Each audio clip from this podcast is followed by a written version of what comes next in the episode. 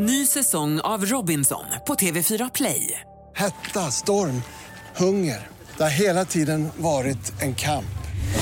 Nu är det blod och tårar. Fan händer just nu. Det. är Detta är inte okej. Robinson 2024, nu fucking kör vi! Streama på TV4 Play. Hej, jag heter Gry Forssell och du lyssnar inte på radiostationen Mix Megapol. I alla fall inte just nu, för du ska ju precis höra ett nytt avsnitt av Mord mot mord. Men först vill ju vi säga hej. Hej, hej, det här är NyhetsJonas. Det här är Carolina Widerström. Och här är Gullige Dansken. Ja, och så Gry då, då. Det vi vill säga är att när du har lyssnat klart på den här podden, då får du gärna lyssna på våran. Vi spelar in ett nytt avsnitt varje morgon av våra podd Kvartsamtal. Och hela radioprogrammet blir ju också en podd om man är väldigt morgontrött eller så. Just det, om man missar morgonen ja. Men mest av allt så får du gärna lyssna på programmet i direktsändning varje morgon på Mix Megapol. Live varje morgon från klockan sex och då har vi med oss massor med vänner också. Thomas Bodström, Babben Larsson, Johan Pettersson, Christian Luuk. Massor med coola människor som bara dyker upp och gör livet bättre. Ja, som jag, Gullige Dansken. Exakt så. Och så mycket bra musik och annat skoj såklart. Så vi hörs när du vaknar på Mix Megapol. Podplay.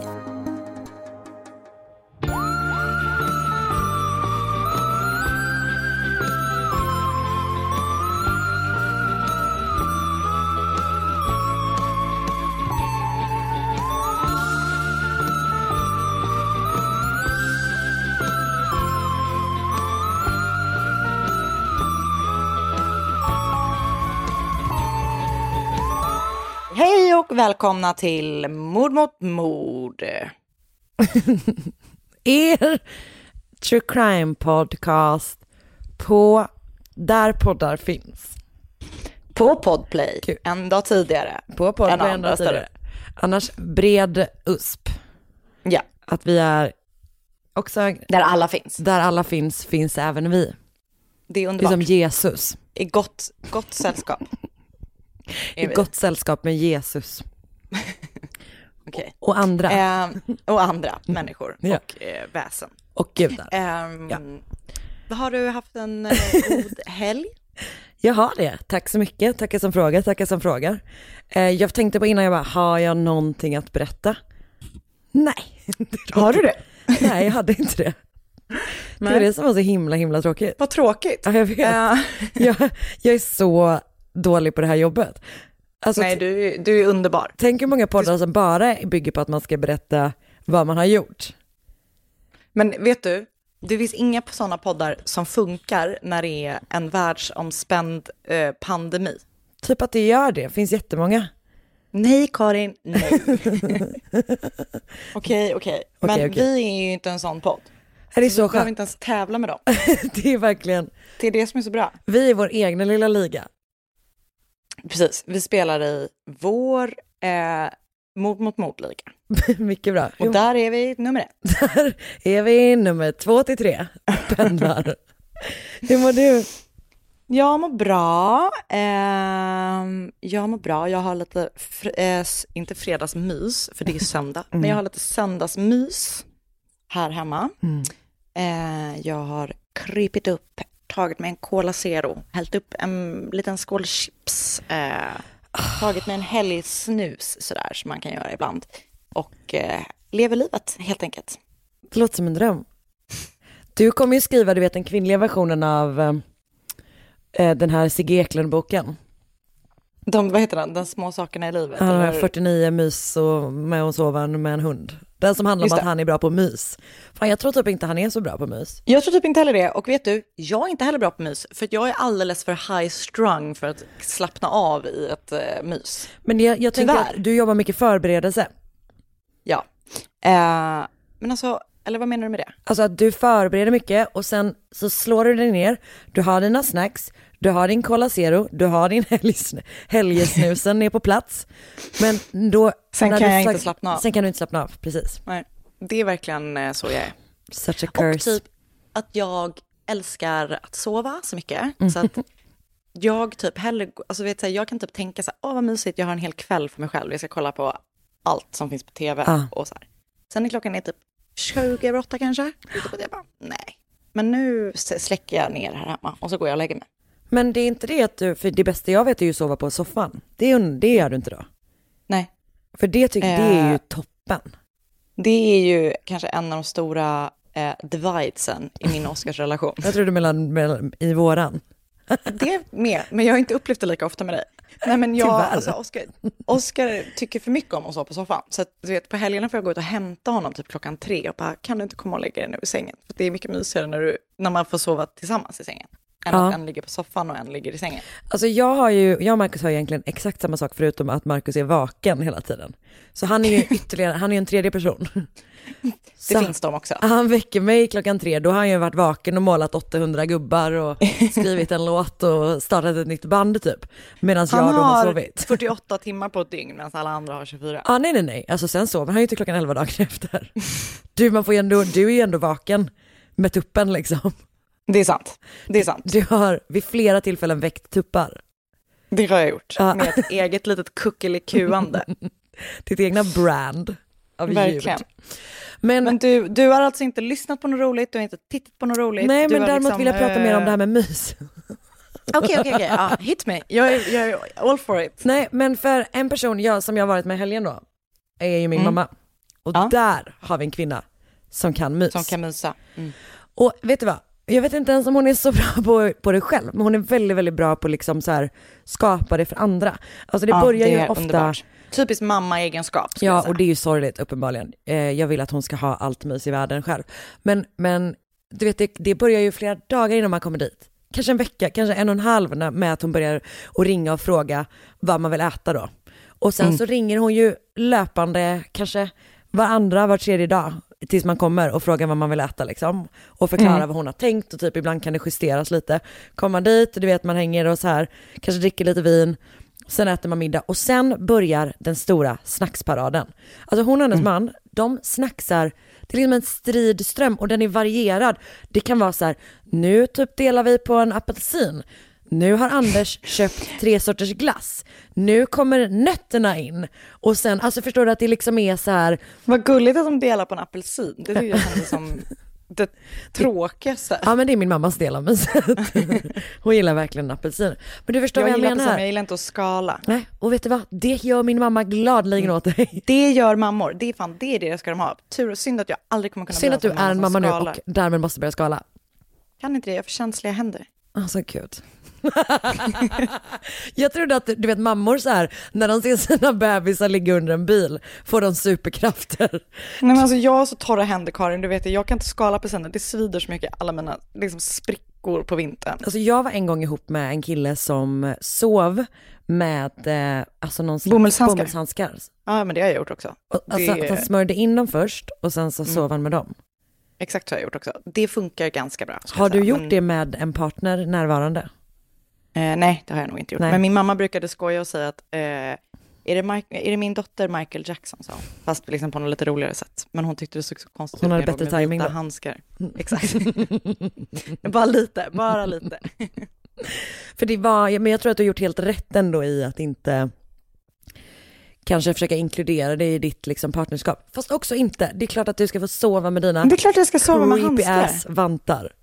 Att med mitt ex så hade jag alltså min bettskena, min eh, sån sovmask över öron, ögonen och eh, öronproppar. För att han kollade alltid på tv i sängen, alltså du vet till tre på natten. Och så var bara, jag bara hej då, kloggade in bettskenan och sen eh, Vet du vad, jag var på väg att säga, snarkade jag på. alltså jag var på väg att säga att, att det var inte konstigt att han var ditt ex. Nu vill jag säga det på Ursäkta grund... mig? Nej nej, nu vill jag vända på det. Jag vill säga det på grund av att han var vaken till klockan tre och kollade på tv i sängen. Ja, Alltså, precis. Dump fuck that ass. guy. det låter så jobbigt. Det var jobbigt. Kollar ni i alla fall på något bra?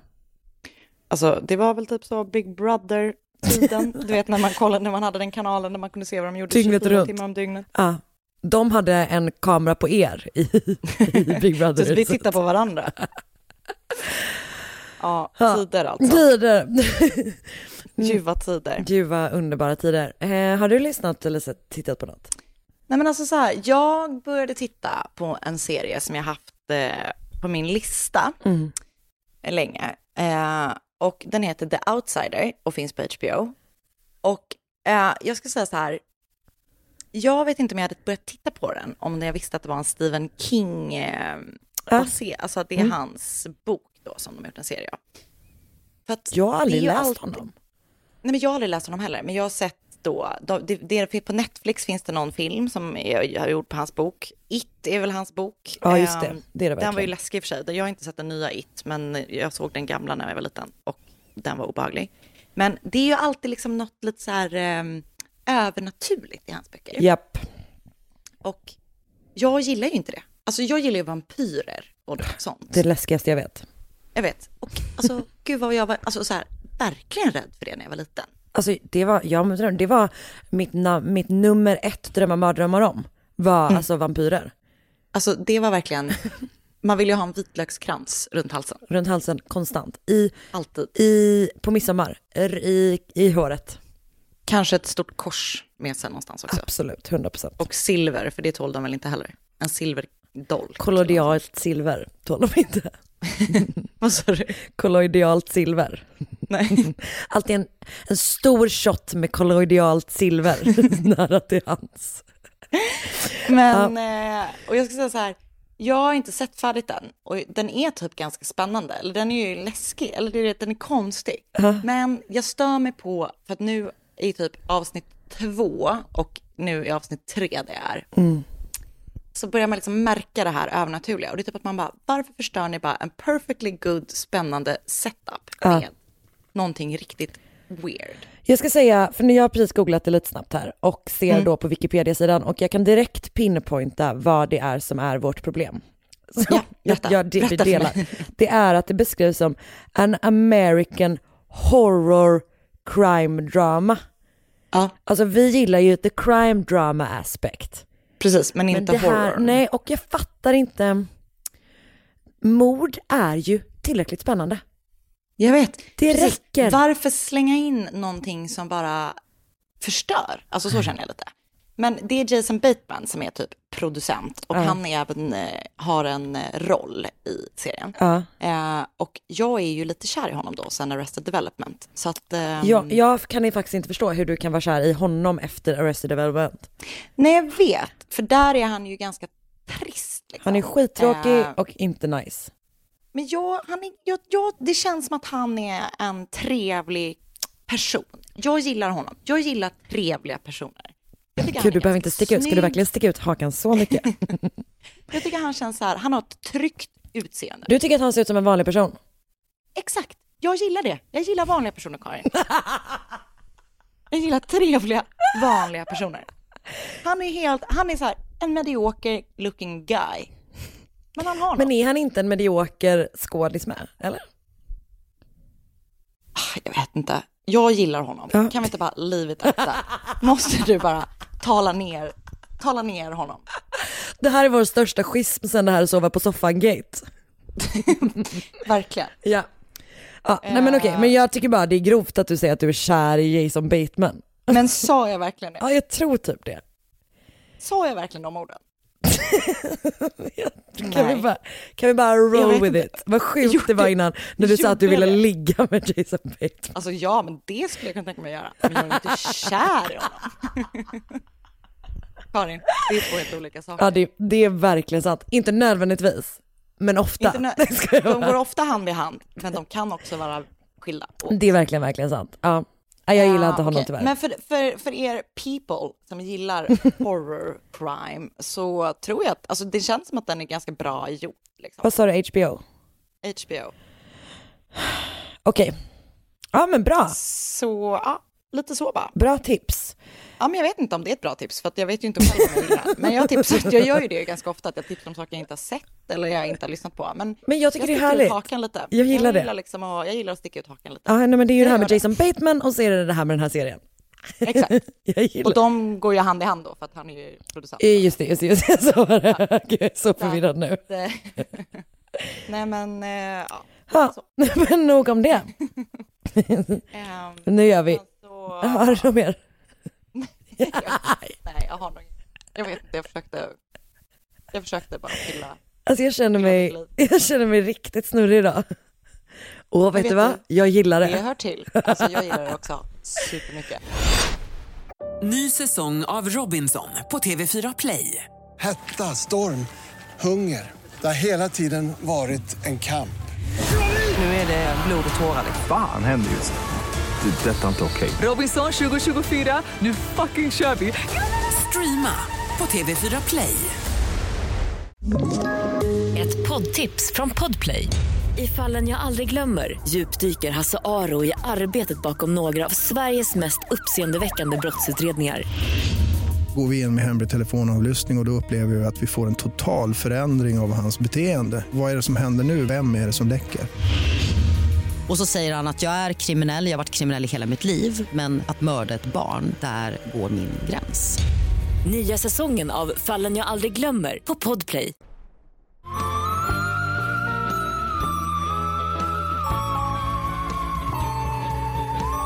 Vi ska ta oss tillbaka i tiden. Eh, Det blir en, en sån här gammal jävel som jag gillar att göra. Eh, Då ska jag prata om Matti Heikinpikka Hapoja. Som föds Ja. i Ylistaro Isokyro, en lite drygt halvtimme med bil in i landet från Vasa. Alltså nu, på den här tiden när han föddes. Då körde de nog Ja. inte supermycket bil eftersom det var 1845. Eh, Fanns det bilar då? Nej, det fanns inte bilar då. De kom inte Nej. förrän 40 år senare. De allra första. Okej. Cool. Eh, men hur som helst, vi befinner oss alltså i Finland. Mm. Eh, och Matti har då en riktigt pissig barndom. Fruktansvärd verkligen. För han blir inte bara slagen av sin alkoholiserade pappa Heikki, utan också av sin äldsta bror Juho. Och vid flera tillfällen så måste familjen fly undan så här pappans våldsamheter. Och livet handlar eh, för Mattis eh, snarare, li, Mattis liv handlar snarare om att så här, överleva och komma undan våldet. att, våldet än att typ så, vara barn. Han går någon liten tid i skolan men inte så mycket mer än så, har tre bröder och två systrar och växer upp i ett hem där han varken får omtanke eller kärlek eller respekt eller kontroll över sitt liv. Underbart. Och som om då den här barndomen inte var tillräckligt pissigt så tar den slut när Matti är 11 år gammal. Då måste han lämna hemmet för att börja jobba. Han får då reda på att, av sin mamma att han, att han måste dra liksom. Och han bara, hon heter Maria. Han bara, mamma vart ska jag ta vägen? Hon bara, du kan gå till sjöss. Som 11-åring? Som 11-åring, exakt. Sen skickar de iväg honom, men han går faktiskt inte till sjöss, utan istället så börjar han jobba på olika bondgårdar. Jag tror att han är typ liksom någon slags dräng. Eh, men alla mina källor är eh, direkt över, eller Google translateade från finska.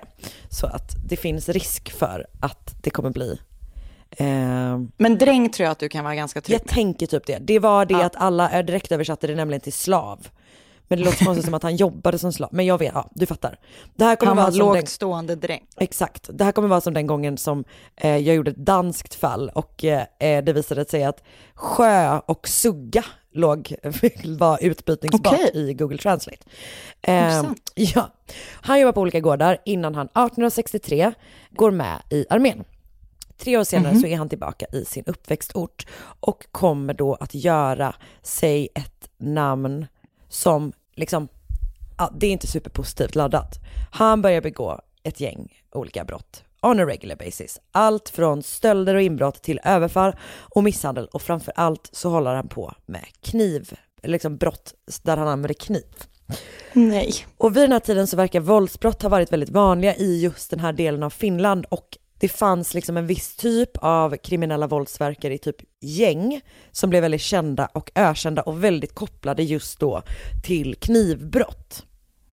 Och de kallas då för pukkojunkari och det har det översatts av Google Translate på lite olika sätt. Här kommer tre av dem. Knivjockis, det tycker jag typ ändå, det lät som något som så här, du vet något som, alltså från så, de kallar oss mods. Hade Ja. kunnat kalla någon för knivjockis. Sen också Absolut. knivskräpare. Det, det tyckte jag om. Ja, vad tycker du om knivknarkare? Mm, inte lika bra. Nej, inte lika bra. Min favorit är då att det beskrevs som att det var knivknulltid i provinsen. Det gillar jag. Det tycker jag. Fast det, lå- det låter som en riktigt dålig fetisch.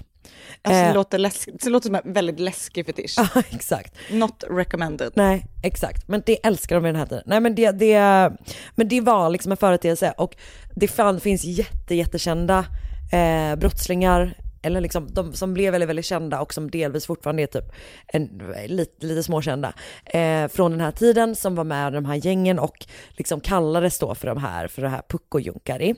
Och Matti Happoja kommer typ att förknippas lite grann med de här gängen och eh, verkar typ ha inspirerats lite grann om dem. Typ att han pratar om en annan, en sån person som han bara, han är det, du vet, i sin ort, jag ska vara det här typ. Eh, men eh, han är liksom inte med i gänget, eller gängen. Okay. Däremot är han väldigt, väldigt våldsam och julen 1866 är första gången man vet att han har knivhuggit någon och den personen överlever som tur är. Och ett år senare så gör han det igen men också då överlever hans offer. Och ytterligare ett år senare, i december 1869, så, det är två år senare, bra, eh, begår han då sitt första, eller åtminstone det första mordet han kommer att dömas för. Men Okej. redan innan, eh, i november 69, tror man att han har misshandlat jordbrukarna Matti Heikkilä och Hermanni Hautamäki till döds. Eh, han kommer aldrig dömas för det, men man tror att han, att han, eh, att han har gjort det för att han senare erkänner att han liksom begick ett dubbelmord under den månaden och man vet att han var i det här området där de bodde under tiden. Right. Men tillbaka till det första liksom, bevisade mordet. Det är då december 1869 som sagt. Han är på Jacko och Susanna Witts bröllop i Yllistarro. Han har blivit ombedd att vara ordningsvakt på bröllopet. Se till så ingen skit händer. Åh nej. Han är inte jättebra på det här Det jobbet. låter inte som att han är så bra på det, nej. Nej, nej han, nej, det var ingen, jätte- det var ingen toppenrekrytering. Det var ingen hit. Nej. utan han hamnar då istället i bråk med sin barndomskompis Heikki Antipojka Imponen. Och eh, som jag har förstått det så, så blir, de börjar liksom bråka väldigt mycket och eh, Heikki börjar då anklaga honom för att vara tjuv, vilket han också verkligen verkar vara. Eh, och då blir han så arg, alltså de bråkar, om jag förstått det rätt, liksom på, i mitt i festen. Så mitt i festen så eh, knivhugger då Matti Heikki eh, i magen flera gånger. Åh nej. Och ett par timmar senare så avlider då Heikki eh, av sina skador. Eh, Men vänta, det var en person som hette Heikki som gifte sig, men det här var inte den Heikki. nej, det är inte samma. Nej, Jacko hette han. Jacko, sorry. Jacko. Eh, nej, precis. Det är så många K i alla namn Ja. så att Eh, jag gillar finska namn. Jag tycker att de, de det, det låter jäkla kyliga på något vis. Ja. Ja. Ehm, men eh, nej, men så att han då har han liksom så begått det första mordet. Man är så här, han kommer dömas för det. Han påstår att han är oskyldig. Ehm, men han döms till 12 års straffarbete i Kakkola-fängelset i Åbo och under tiden som han är där kommer han att bli rikskändis. För han blir känd för att han rymmer så himla himla många gånger. Åh nej. Han rymmer fyra gånger på typ 10-11 år. Så första Men gången... det är stört. Ja, han, han kör på. Han är också, alltså han är borta länge åt gången. Så först, Varför kommer han tillbaka då? ja, men han blir tagen varje gång. Men han är Ah, liksom okej. borta, du vet så här fem, sex månader i taget. Eh, så först flyr han då i oktober 1872. Då grips han en månad senare. Men lyckas, alltså så fort de får tag på honom, dra iväg igen.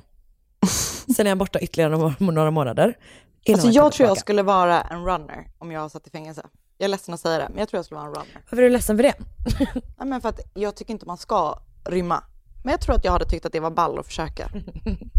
Men hade du varit, alltså, Men jag hade varit fredlig. Jag hade varit fredlig. ja, det tror jag inte han är. Jag tror att han är kör mycket. Men, men jag, eh, jag tänker att om man ska rymma måste man vara väldigt fiffig. Ja, jag är inte så fiffig. Nej, du är, du är inte så fiffig. Jag är verkligen ofiffig. Men vet du vad du hade varit? Alltså så här, du behöver en kompanjon. Exakt. Ja, precis. Jag behöver någon som är fiffig åt mig. Du är, alltså för du är en planerare, du är smart, du kan get shit done, men fiff, you cannot. I can't handle the fiff. Du behöver en MacGyver. Alltså, eh, ja. Vem gör inte? Vad hette, vad hette MacGyvers eh, eh, nemesis? Eh, en... Gud, alltså jag började liksom googla Murdoch. Murdoch, just det. Oh jag började God. googla med redan när du var inne, när du sa vad hette MacGyver? Så bara MacGyver. ja, Murdoch. Eh, Det, är Murdoch. hans, det är hans most frequent opponent. Jag för att han är typ i vart tredje avsnitt. Ja, han, han kör på. Eh, han är member of Homicide International Trust and master, of, master assassin who never fails except when MacGyver gets involved. Ja, jag precis. Honom behöver du. Eh, nej, inte MacGyver behöver du. Okej, sen rymmer Matti Happoja igen typ två år senare. Då gömmer han sig på ett värdshus och när polisen kommer dit så blir det en shootout mellan honom när han liksom ligger inne på värdshuset. Och då lyckas han fly från dem igen. Är det sant? Ja, så att det ingår liksom många rymningar i hans rymningar. Och efter det så tar det fem månader innan de får tag på honom igen. Sen åker han in. Sen flyr han igen. Det är juni 70 1876. Och under flykten eh, i augusti så skjuter han bland annat en person två gånger i foten och en gång i ansiktet. Nej. Den här människan överlever. Det är ändå... Mhm. eh, Det är otroligt. Ja, det är faktiskt sjukt. Ehm, och sen när de hittar honom fem månader senare igen, då blir det också återigen en stor jävla shootout med polisen liksom. Men till slut Mhm. är han bakom lås igen och låser bom igen. Och åtminstone en liten stund, för i november 1878, alltså han flyr ju vart, vartannat år. Så det känns som att det han är sitter otroligt. ett år och sen så flyr han och sen borta typ ett halvår, ett år och sen så liksom sitter han. Han hade ju varit klar för länge sedan om han bara hade suttit kvar. Alltså han dömdes till 12 år för ett mord som begicks 1869. Så nej, typ inte. Nej. Han, alltså, Okej. han gör rätt i det. det gör han absolut inte. Hur som helst. I november 1878 är det dags igen. Han, eh, då försvinner han. Sen grips han eh, två månader senare. Då tror jag att han har tagit anställning på en marknad. Han grips i alla fall på en marknad. Och det Mhm. visar sig snart då att under tiden han har varit borta så har han knivhuggit ytterligare en person som som tur är också överlever. Men är det för att han typ försöker råna dem eller liksom, är det bara för att han får chansen och så tar han den eller? Alltså, jag, tror att, liksom alltså jag tror att han är... bakom huggningarna? Eh, Jag tror att han hamnar i bråk. Ah, okay. Och jag tror att han är super, super våldsam och jag tror att han har haft liksom en, en barndom där han inte har fått, alltså han har alltså Men inte fattar, men det är liksom slagsmål Ja, som det alltså börjar med. exakt. Det verkar som det. Det, det, det han, han känns bara ruthless liksom. Mm. Han gör vad fan som faller honom in typ. Eh, det men är media, läskigt med sådana människor. Ja, det är verkligen läskigt. Det känns som att Ifej hade lite sådana rånar, eller inte rånare utan, eh, jo men rånare, bankrånare i Sverige på typ så här, du vet den liksom bankrånareran, typ så här 70-80-talet. Att det kändes som att så här, de ville typ stjäla saker, men om någon kom i vägen eller någonting hände, så Precis, var det ingen bara får komma emellan. Mm. Exakt. Ehm, men media blir då super, super förtjusta i Matti Happoja och börjar liksom måla upp honom som typ en så, alltså du vet en lite så, eh, någon spännande som gör uppror mot polisen, alltså lite så liksom.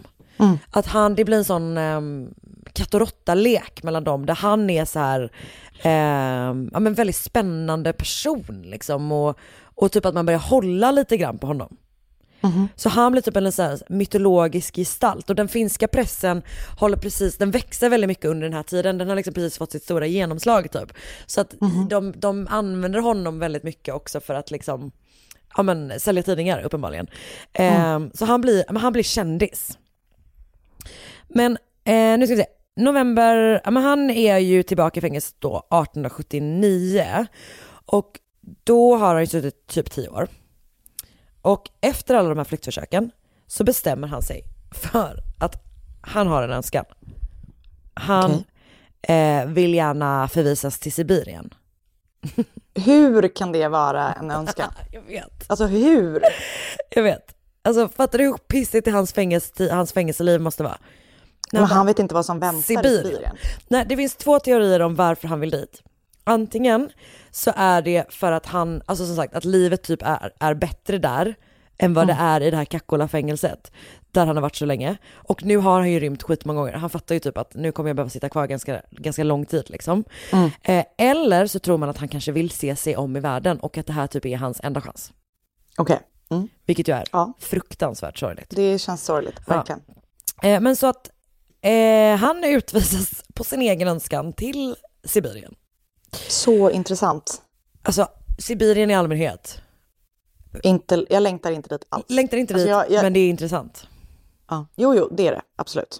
Det är lite svårt att veta vad han har gjort där under tiden där, vilket känns on-brand Sibirien. Mm. Eh, han har dragit runt en del, alltså han har varit fånge men han har också liksom varit så här runt och typ jobbat på olika ställen med olika saker. Och man kan säga att det man tror är att mordoffer har följt i hans fotspår. Mhm. Man tror att han mördade en oident- oidentifierad... Okej, okej, okej. Så att alltså, han blir fri i Sibirien? Alltså, efter ett tag. Jag tror Ja. typ att han landsförvisas, att, alltså att straffet blir liksom Okej, landsförvisning. du får flytta dit. Ja, Ja, exakt. Eh, Men han är nog fånge ett tag också. Så att, men jag tror att han kanske Mm. För då är det lite där. en annan femma. Det är lite en annan femma. Ja. Jag trodde han liksom ville komma till ett fängelse i Sibirien. Nej, eller så är det bara att han vet om att det är lättare att fly från dem. kan vara Ja, så också. Kanske. Mm. Eh, men så att man tror att han mördade en oidentifierad man 1886, en medfånge som hette Jacko 1888, en estländsk restaurang, eh, restaurangägare eh, som jag inte har ett namn på, men som mördades i Tomsk i centrala Sibirien. En Matti Kuivalainen som mördades också i samma stad eh, 1889 och så en estnisk fånge som heter Gustav Sepp som försvinner 1889 och han sågs sist tillsammans med Matti. Så att han börjar ju samla på sig offer. Kan man ju säga. Ja. Det är ju då de här, det här första, de här lantbrukarna som man tror att han har mördat. Sen är det han på bröllopet. Och sen så är det ju då, nu ska vi se, en, två, tre, fyra, fem, fem stycken offer i, under hans tid i Sibirien. Och sen har han ju också då eh, knivhuggit ett helt gäng också. Så att det känns som att det är så här, det känns lite grann som att det är chans när liksom någon dör och när de råkar överleva. Så han fortsätter ju helt enkelt vara super, super våldsam, drar runt och eh, stjäl saker och hamnar i massa bråk och typ knivhugger folk. Men eh, till slut bestämmer han sig för att det är dags att ta sig tillbaka till sitt hemland. Och han är i Sibirien i kanske så tio år ungefär. Det tar mellan åtta och tio månader innan han är tillbaka i sin, liksom, i sin hemort typ, eller sitt hemområde i Finland igen, i september 1890. Då kallar han sig Carl Widbom, så han har tagit sig en liten pseudonym. Och då verkar det som att hans plan är att han ska tjäna ihop pengar och sen ta sig vidare till Amerika. Okej. Men det kommer tyvärr aldrig att ske. What a plan. Ja, exakt. Men det går eh, åt helvete kan man säga och på ett väldigt, Mhm. väldigt sorgligt sätt. För istället så träffar Matti Happoja den 7 oktober 1890, eh, så typ bara, vad blir det, en månad efter att han har kommit tillbaka till Finland, så träffar han Maria Jemina Kustan Tytär Salonen. Och Maria är sexarbetare och det verkar som att han han kanske nog har varit hos henne tidigare. Han känner liksom till hennes adress och eh, ringer på da, eh, hennes dörr där då eh, i oktober och släpps in av en hushållerska som typ släpper in honom och sen typ går hem för dagen. Så att de är ensamma där. Och morgonen Okej. efter så kommer den här hushållerskan tillbaka och då hittar hon Maria mördad. Nej. Och hon har då blivit kvävd med en kudde. Och ganska snabbt, eller väldigt snabbt uppenbarligen, så pekar ju liksom tecknen på att Matti kan vara inblandad. Och Mm. eh, de, polisen börjar liksom eftersöka honom och han är ju en, en erkänd våldsverkare, även om det här är första gången han har gett sig på en kvinna. Eh, och det är heller inte en kniv inblandad, så att det är ju annorlunda, men han var ju där liksom. Så att de spårar honom och han grips samma dag och identifieras då av hushållerskan.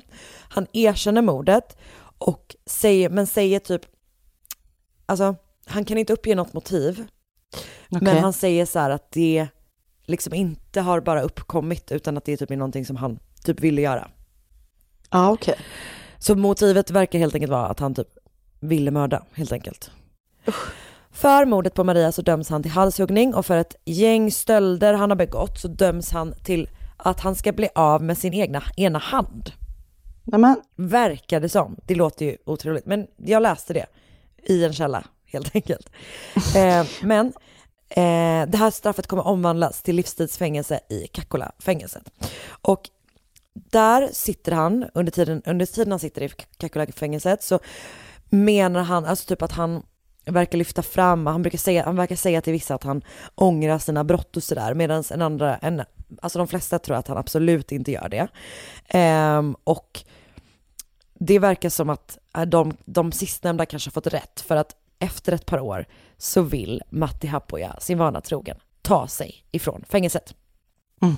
Man har genomfört ett gäng förändringar inför att Matti ska komma tillbaka dit. They better. Ja, verkligen. Nej, men till exempel då sa de så här, du vet, de har till och med satt på ett extra lås på typ luckan som han får sin mat igenom. Eh, Annars kan han åla sig igenom. Nej, men han- jag han- skulle faktiskt inte bli förvånad. han kan göra vad som helst, verkligen. Eh, och så först, hans första plan är att han ska bli utvisad till Sibirien igen.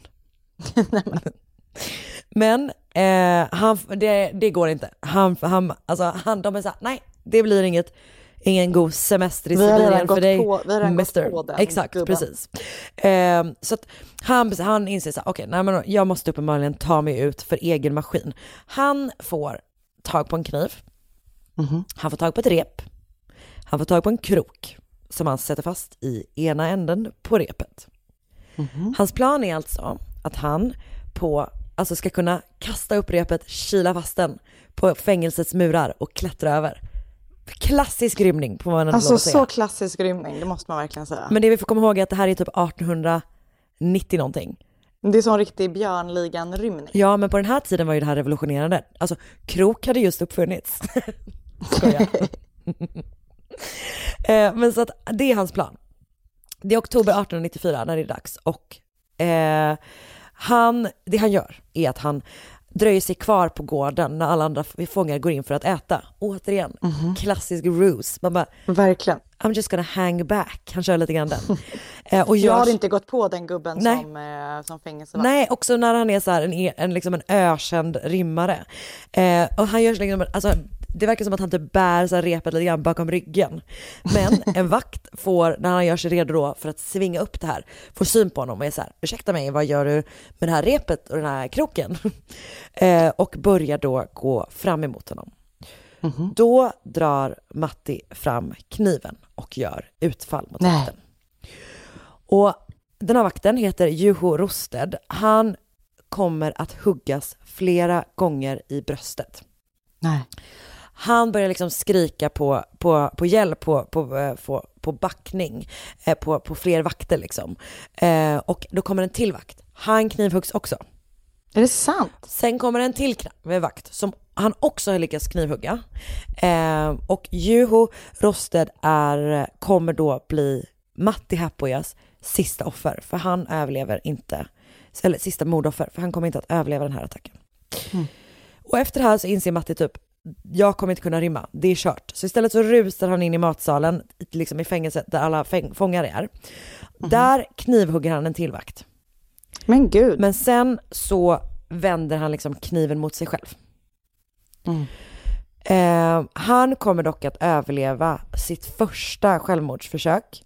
Eh, han hamnar liksom på sjukan och börjar eh, bli tillfriskna och skickas tillbaka till sin cell.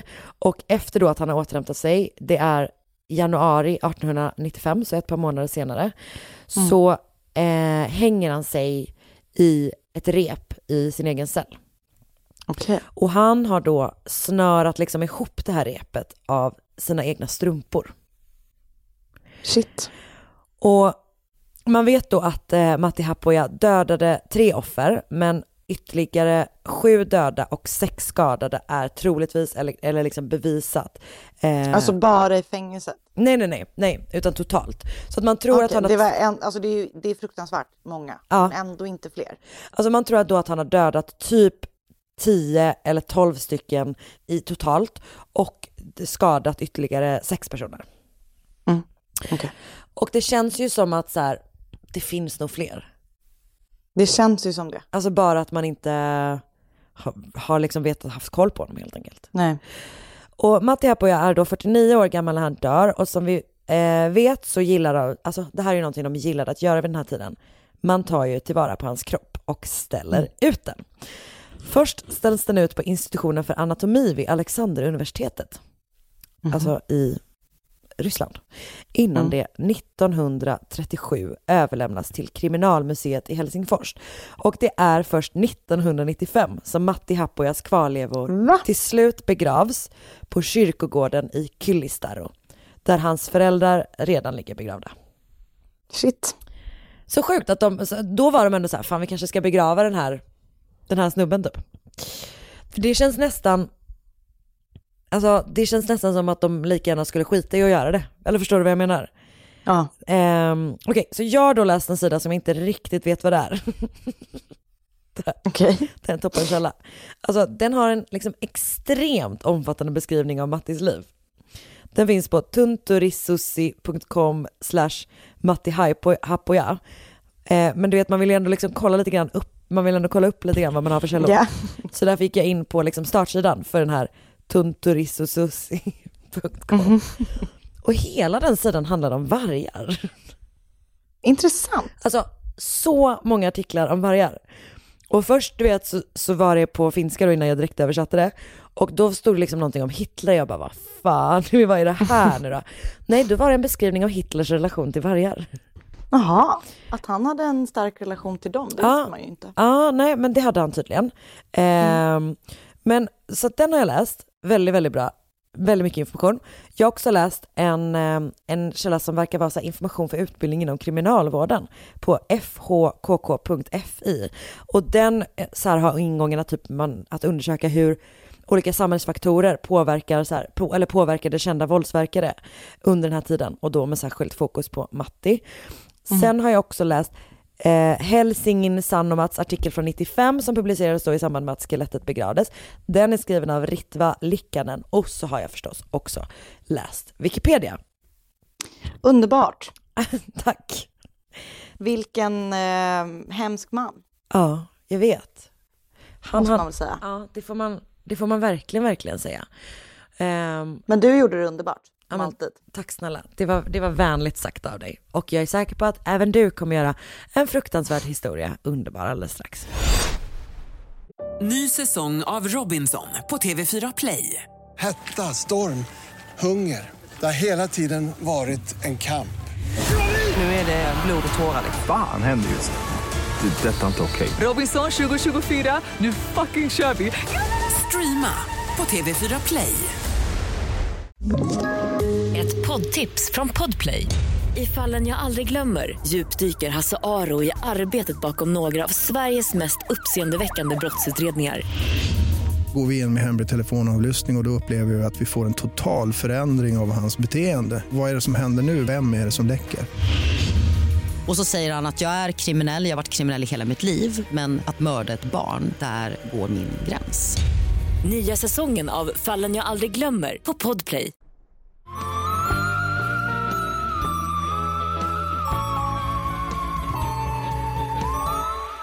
I februari 2016 så gifter sig den 30 år gamla juristen Angela Diaz, eller hon heter inte Diaz, hon kommer heta Angela Diaz efter att hon har gift sig med Ian Diaz. Och han arbetar i US Marshal Service, så han är en typ av polis, det är någon sån federal sheriff. Jag, fa- jag fattar inte riktigt polissystemet. I USA. USA. Eh, men det är någon slags federal polisenhet. Och de träffas på typ en dejtingsajt och blir snabbt ett par och eh, gifter sig ganska liksom kvickt. Eh, paret bor i en condo i Anaheim i Los Angeles. Och allt liksom känns verkligen toppen i deras relation. Och ganska snart efter deras bröllop så väntar Angela deras första barn. Men snart så inkräktar något på parets lycka. För att Angela börjar få hotfulla mejl i sin inkorg. Det kommer ganska många och ganska tätt. Det första mejlet kommer 29 maj och där står det I hope you're scared to death tomorrow. Be prepared. Don't sleep. We will steal your child and we will watch it die. You're a piece of shit and I hope to God you burn for what you've done to us. Den 31 maj kommer nästa mejl och där kan Angela läsa You deserve nothing but a life of lonely torture. I have, I have ways to hurt you. There is no place you'll be safe anymore. Den Oj. första juni kommer ett till, tredje mejl. där det står You might be beautiful, you might be the one he married, but you're still a sinner and must be punished. I will make sure you are reminded of your place by force. Okej. Och mejlen liksom fortsätter att komma. Och det är inte bara eh, mejl som kommer, utan vid upprepade tillfällen så dyker det upp män hemma hos Ian och Angela som bor, eh, i, den, ja, de bor i den här kondon. Eh, och männen dyker upp i tron om att de ska få ha våldsamt sex med Angela. Och den 24 juni så händer något otroligt läskigt eh, som får Angela att ringa till polisen och det larmsamtalet är eh, obehagligt att lyssna på. Och Angela är i upplösningstillstånd och i larmsamtalet eh, så berättar hon att hon är i, har varit i hennes och Ians garage där det då dyker upp en man med en kniv i händerna och han så här har tagit struptag på henne, slagit hennes ansikte in mot väggen och han säger sig vara redo att förverkliga Angelas våldtäktsfantasier.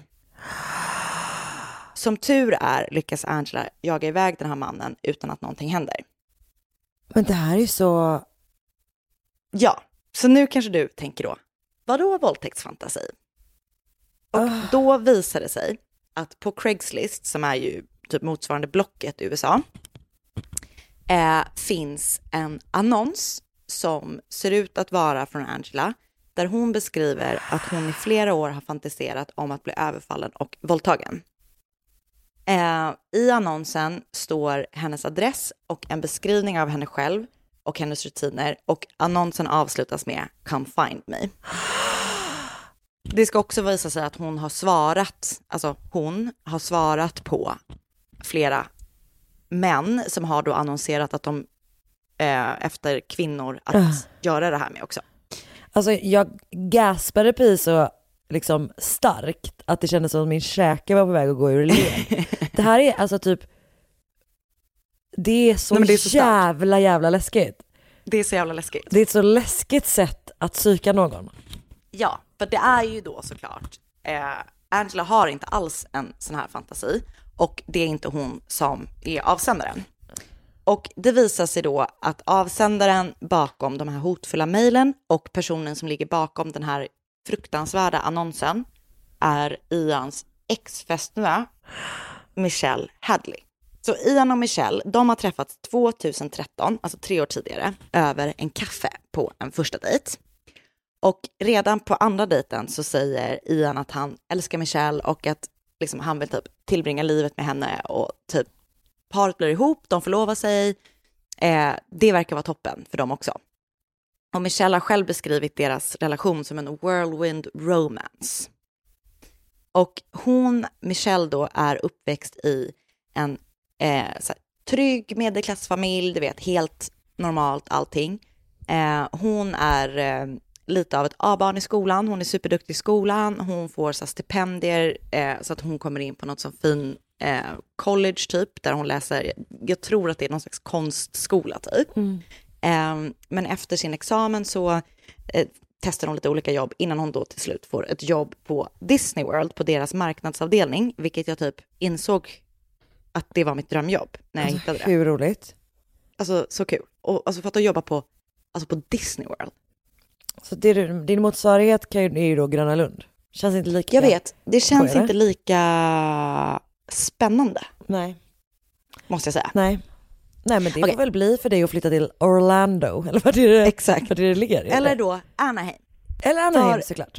För Michelle och Ian köper då tillsammans en lägenhet i Anaheim så att hon har nära till jobbet. Det beskrivs som att hon kan se eh, fyrverkerierna på Disney World från taket på deras liksom, hem. Så att de, ja, eller de flyttar ihop där för att det, de köper den inte ihop utan det är Michelle som tar hela lånet och det är hon som går in med den handpenning som behövs. Okej. Så att hon köper lägenheten, men de bor där ihop som sambos. Men när de då väl bor ihop så inser de att så här, vi ska inte vara ihop. Det, det är inte bra. Vår relation är inte bra, liksom. den är inte hälsosam. Mm. Eller vi, vi mår inte bra ihop.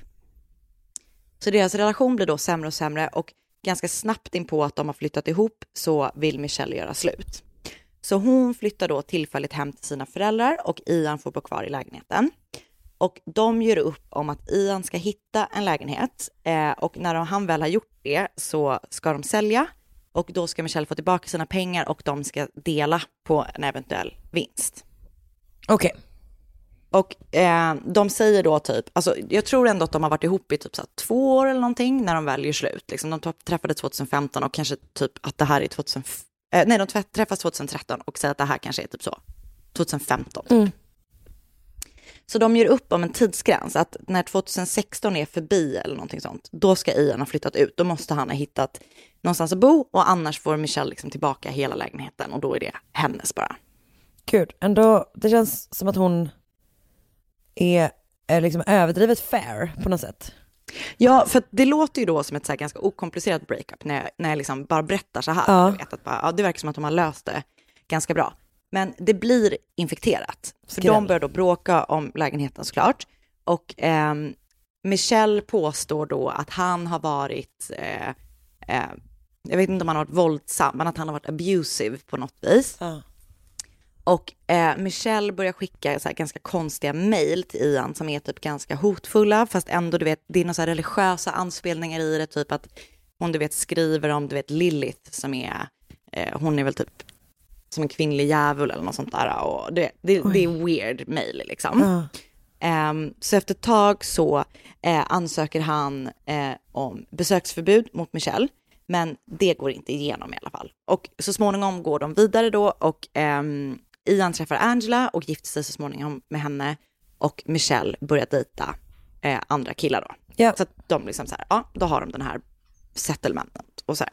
Så Ian och Angela är nygifta eh, och väntar barn och bor i Ian och Michelles gamla lägenhet. Alltså de är deras ja. Ja. Okej, ja det är också toppen. Mm. Så nu är vi då tillbaka i juni 2016 när Angela har precis har blivit överfallen i, sin, i sitt garage. Så en kväll när Michelle anländer hem från en dejt eh, i slutet på juni så väntar polisen på henne där utanför. De griper henne för hot och trakassering och Michelle blir då häktad liksom och får sitta i häktet ehm, en ganska bra tid. Att Hon kommer totalt att sitta häktad eh, i tre månader uppdelat på två gånger. Ja. Ehm, och Michelle förnekar då att hon har någonting med det här att göra. Och hennes vänner och familj är typ så här, backar henne helt och hållet och bara, det här är så out of character. Det kan inte stämma att hon har gjort det här. Det är helt stört liksom. Men går, går liksom de här kont eller mm, de här Craigslist-annonserna, för jag fattar ju typ att så här, det är klart att hon blir en, en misstänkt när det varit så pass infekterat och så vidare. Ja.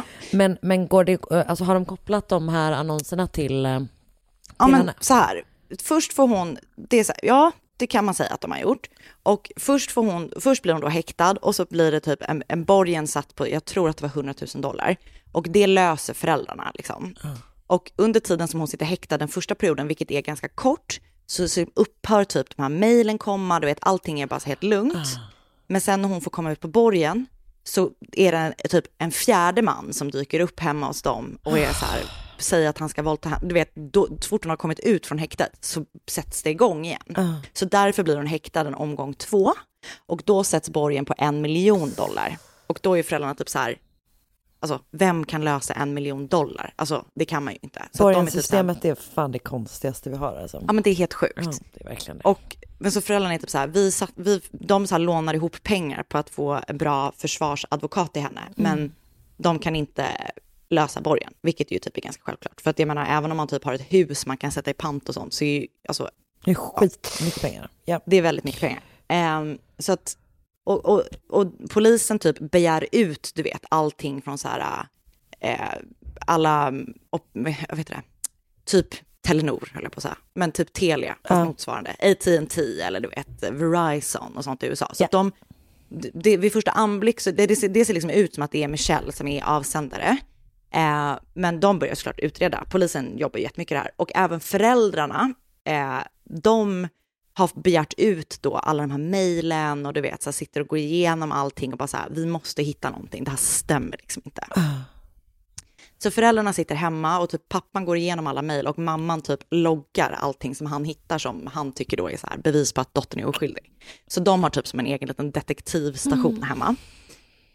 Ehm, så att polisen då, de grottar ju och utreder det här jättemycket och ganska naturligt då så tittar de ju också närmare på Angela Diaz då som, har, alltså som är offret i det här och bara så här, okej, vi kollar på hela Michelles bakgrund, vi tittar på liksom hennes, du vet, eh, internetnärvaro, för att de begär ju ut hennes, eh, du vet, dator, du vet allting. Mm. Och, som, ja. Så att de sitter och tittar och så är de också bara, okej, men låt oss liksom titta på den här Angela också lite grann. Och polisens utredning eh, leder dem så småningom till en eh, gammal vän till Angela som heter Mary. Och hon berättar om en händelse som har hänt, eh, eller som har inträffat några år tidigare än det här då. För då Angela, som har en annan pojkvän vid den här tidpunkten, berättat för Mary att hon har äggstockscancer. Och det är en ganska aggressiv sådan och hon är inne på cellgifter och strålning, alltså flera gånger i veckan. Ja. Och hon har då som en följd av sin behandling eh, tappat håret. Och Mary då, du vet, så här bara, gud, alltså du vet, hon lider så mycket med den här, med sin vän. Så hon bara, jag kommer i solidaritet också klippa av mig allt hår. Eh, hon gör, du vet, allt för att peppa dem. De har typ en, en hashtag som är typ så här, eh, jag tror att det var typ så, Warrior Angie eller någonting. Ehm, och då vet hon typ gör så här insamlingar på sina barns skola och du vet, hon är verkligen så här en supernärvarande vän. Men sen så tycker då Mary att det är så här, det är några saker som hon tycker är konstigt och jag, det här vet inte jag någonting, men, men Mary säger då typ så här, cancerpatienter ska inte typ konsumera för mycket socker eller typ dricka för mycket alkohol och sånt. Jag vet inte om det är så, men det, här är då, det, det här är det som får henne att haja till. För typ Mary kommer hem till henne ibland och har med sig typ så här en hel flaska vin som hon sänker själv, typ en paket Oreo som hon bara trycker i sig. Alltså vet, hon lever totalt osunt, vilket då hon tycker är märkligt för någon som är typ sjuk i en så här jätteaggressiv cancer. Ja. Jag, jag, jag, jag vet inte vad som är normalt när man har det eller inte, så jag ska inte, jag, jag, jag dömer inte henne om hon vill dricka två flaskor vin. Ehm, men så hon är typ så här, okej, jag tycker det, typ det är weird att hon beter sig så. Och sen så märker hon efter ett tag också att så här, men vänta, du har ju inte alls tappat allt ditt hår. Du har ju typ under din mössa eller under din peruk, du vet hon har så olika huvudbonader, så har du eget hår. Så hon typ så flaggar det till Angelas eh, pojkvän. What och the han har, typ, han har typ också varit så här, ja men du kanske har rätt, typ. det är kanske vissa saker som är så här, inte adds up typ. Så en dag när Angela är inne på cellgifter så skickar hon en bild eh, till både Mary och eh, då, den här före detta pojkvännen, eller som hon är ihop med då. Och, eh, de, och på den här bilden, alltså det är en bild på typ en sån droppställning och så står det typ så här eh, battle juice på, hon vet, jag vet inte om hon har skrivit det själv eller du vet, Ja. men av någon anledning så börjar både Mary och pojkvännen googla cellgifter. Och då får båda oberoende av, av varandra, får Upp den bilden. exakt den här bilden. Och det är typ en stockfoto, eller du vet, Ah, det, ah. det är bara en, alltså det är en bildsökning away. Ah. Så de bara, what the fuck är det här? Vad håller hon på med? Så de bestämmer sig för att de ska konfrontera Angela. Och typ bara så här, du är inte sjuk. Ah, jävlar! Så de konfronterar henne och det finns inspelat. Eh, jag har bara hört ljudupptagningen, men det är typ att de är så här superdirekta och bara, Angie, du har inte cancer. Hon bara, jo det har jag visst det. Och du vet, alltså det blir bara så här, What? Ja, och de bara visa oss din den här ingången där du får cellgifter och hon bara så här, nej det tänker jag inte göra. Alltså vet, hon bara är så här, vad håller ni på med? Jag har Ah. visst cancer. Och det är så superstelt. Men Det låter verkligen superstelt. ja. Men så då typ är polisen så här, okej, hon har alltså ljugit om att hon har cancer till sin pojkvän, till sin bästa vän, du vet. Ah. Fan vad weird. Så då börjar de liksom gräva vidare i eh, hennes liksom fortsatta, eller hennes liksom liv. Ja. Och det visar sig att det inte är det enda hon har ljugit om, utan hon har ljugit om att eh, hon, är, hon har inte en juristexamen, hon har inte det här jobbet som hon utger sig för att ha. Hon är inte gravid med Ians barn. barn. Hon har alltså fejkat en sån ultraljudsbild. Nej. Eh, Hon är inte gravid alls, liksom? Hon är inte gravid alls. Och då är det typ att de bara, okej, om hon är kapabel att göra de här grejerna, Kan hon ha fejkat då måste, vi, där? Då måste vi titta närmare på det här också. Så så små, då liksom när de får ut alla, du vet när de till slut bara har fått ut allt, allt och de granskar vidare och så här. Då visar det sig att hon har typ använt någon så här mjukvara som gör att det ser ut som att det är Michelle. Men alla IP-adresserna är kopplade till, alltså IP-adresserna till alla de här mejlen, till den här adress, eller, eh, annonsen på Craigslist är kopplade till Angela och Ians kondo och till Angelas pappas hus. Jävlar vad sjukt. Ja, alltså det är så stört. Och eh, Michelle har hunnit släppas i oktober 2016 och Angela grips för en god blandning av olika brott i olika storlekar i januari 2017. Och när Michelle släpps ut ur häkt, då har hon suttit häktad i 88 dagar. Eh, helt oskyldig liksom. Och hon blir så exonerated och du vet, får ut, du vet, de, polisen är ju så här bara shit typ, hon är oskyldig och uttalar sig jättemycket om det och hon får intervjuer och sånt. Eh, men hon tycker ju att det är så här too little too late såklart, för att hon är ju suttit oskyldig, liksom, ja. Ja. Så Angela grips, jag tror att det var totalt 22 olika åtalspunkter som hon häktas för. Eh, och hon erkänner sig själv skyldig till det hon blir åtalad för, vilket bland annat är då typ kidnappning, eh, vilket jag inte, jag Vet vet, vad det är? varför. Nej. Av sig Men själv. det- typ false imprisonment, hon blir eh, mened, grov förfalskning och stöld och sen massa lite så här andra små saker och grejer. Ah. Hon döms då till fem år i fängelse.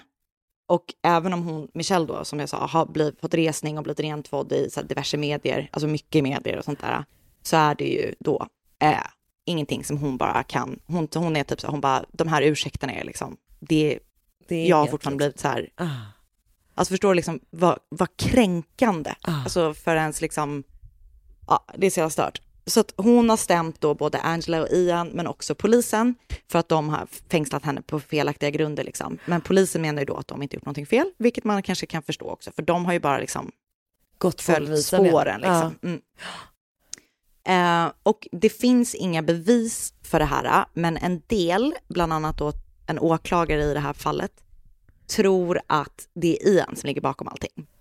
Eftersom han har ju alltså verkliga motiv för att vilja få undan Michelle i och med det närmade sig då den här tidpunkten då de behövde sälja lägenheten. Ah.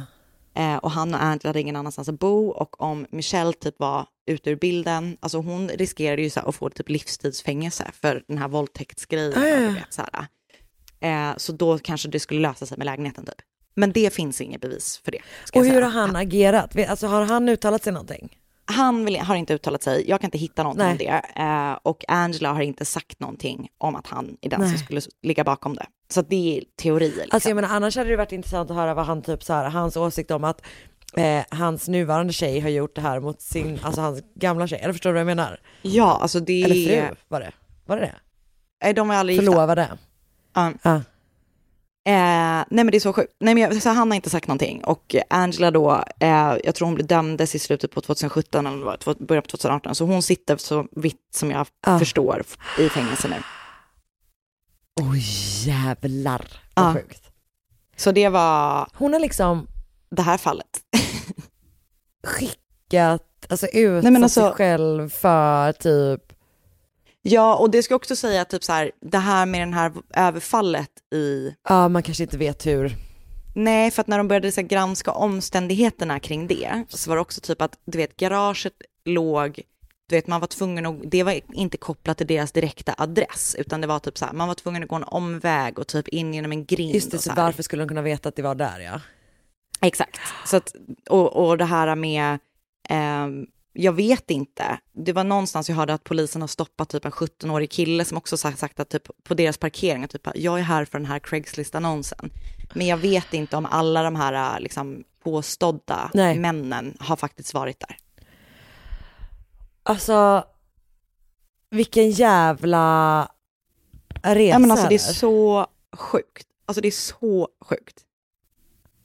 Tycker jag då. Ja, det, nej men det, du har rätt i det. Du har helt rätt. Tack. Jag är skakad. Eh, ja, jag med. Jag blev helt chockad när jag hittade det här. Jag förstår det. Så jag har läst, jag, jag har läst alltså kanske typ sex artiklar på people.com Eh, så vi länkar alla i Facebookgruppen tänker jag. Och så har jag läst tre olika artiklar på eh, LA Times. Och sen har jag lyssnat på en podd som heter, som är också en tv-serie, som heter Dateline. Ja, just det. Så, det avsnittet heter Simply Diabolical. Och sen, ja det var väl det. Det var tillräckligt tycker jag. Ja. Alltså, what the fuck? Ja. Alltså man kan fan inte lita på någon. Men sant ju.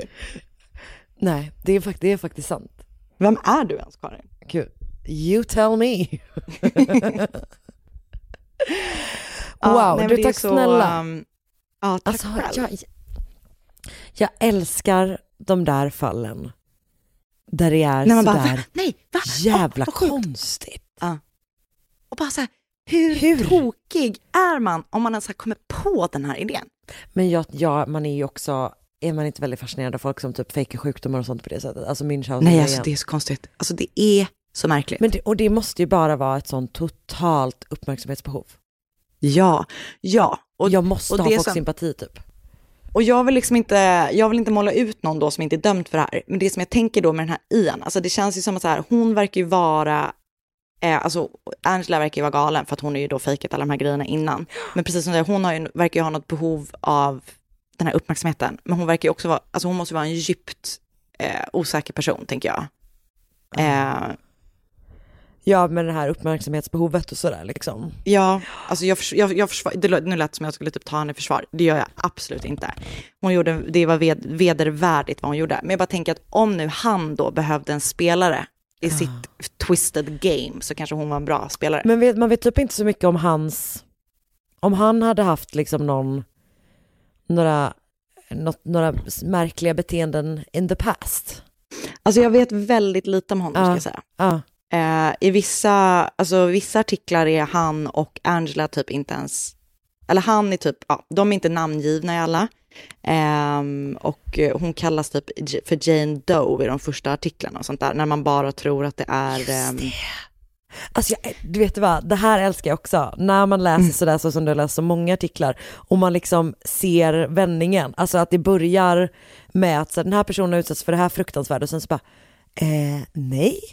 Va? Mm. Alltså du vet att, alltså i, att man följer det i media i, Ja, ja. i Nej, det är så spännande. Typ. Ah, gud Anna. Mm. Det där var sjukt. Så störd. Fler sådana här historier får du gärna göra. Jag tänkte precis säga det, man vill ju ha mer sådana här. Alltså. Har du några sådana här sjuka, mm, det behöver ju absolut, för det, det behöver ju absolut inte vara alltså, ett mord i. Det kan ju vara så spännande ändå. Nej nej, alltså 100%. Gjorde Mm. du den här McDonalds-grejen? Pratade vi om det? Nej, för den var väl i, ehm, jag kunde inte ens lyssna på det avsnittet. Vilken podd var det som gjorde den? Det var Casefile va? Ja. Nej, jag, jag, jag kunde inte ens sitta färdigt. Jag fick sån ångest av det avsnittet. För det, av- det är ju också ett sånt fall. Ja. Alltså, folk är fan sjuka i huvudet. Jag vet, och vi, vi måste prata om dem. Jag, vill vara, jag håller helt med dig i att det Mm. inte krävs ett, alltså krävs ett mord. Ibland, ganska ofta måste jag säga, glad om det inte är ett mord med. Alltså 100 procent. What the fuck, vad sjukt det där var. Less murder in the world, Verkligen, please. det är våran, våran paroll. Det är min paroll. På det ska jag gå till val. Bra, gud, typ att Mm. folk gör. Eh, du Anna, Eh, det var tack allt snälla. för den här veckan. Ah, tack, tack. själv Karin. Oh. Som vanligt underbart att pratas vid. Ja, det var faktiskt mysigt. Det var väldigt mysigt. Eh, Hur snart ska om- vi sända live i Jag skulle precis säga det. Är det nästa? Det är näst, nästa vecka va?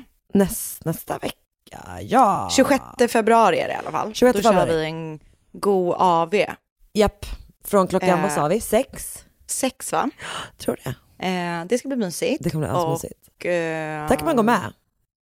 I Facebookgruppen. I, i Facebookgruppen ja. Eh, det tycker jag man ska göra. Det är för övrigt en underbar plats. Um, so please join us there. Och sen eh, tipsa oss om fall som är så här sjuka och inte inkluderar något mord. Eh, då skriver man antingen till Anna på att, eh, att Sandell Anna eh, eller att mig till mig på att Karin Londre på Instagram. Eh, Mm. Och eh, så är det något mer? eh, jag tycker väl att vi kan göra en liten shoutout för vår underbara Merch. merchandise. Merch, merch, merch, merch, merch. Fan, jag börjar bli sugen på ny merch igen. Jag med. Om ni kommer på något roligt, Ja, eller typ själva har gjort, alltså om ni har, om ni typ eh, håller på med Kan du teckna? grafisk design eller typ illustration eller, eller, eller något sånt och du typ blir lite sugen på att göra någonting som är mord mot mord kopplat. Let's teama. Alltså hör av dig. Ja. Då kanske man kan mejla till våran mail. Det kan man göra. Mordmotmordet.gmail.com. Eh, om man typ känner sig lite inspirerad och lite sugen på att hitta på något skoj. Då kommer vår assistent Marcus eh, gå igenom det. Åh gud, han är så dålig på att läsa mail. Hur ska det här gå? det blir Okej, jag kollar mer också. merch. Okej, hej då hörni. Hej då! Hej! Ny säsong av Robinson på TV4 Play. Hetta, storm, hunger. Det har hela tiden varit en kamp. Nu är det blod och tårar. Fan händer just nu. Det. är Detta är inte okej. Robinson 2024, nu fucking kör vi! Streama på TV4 Play.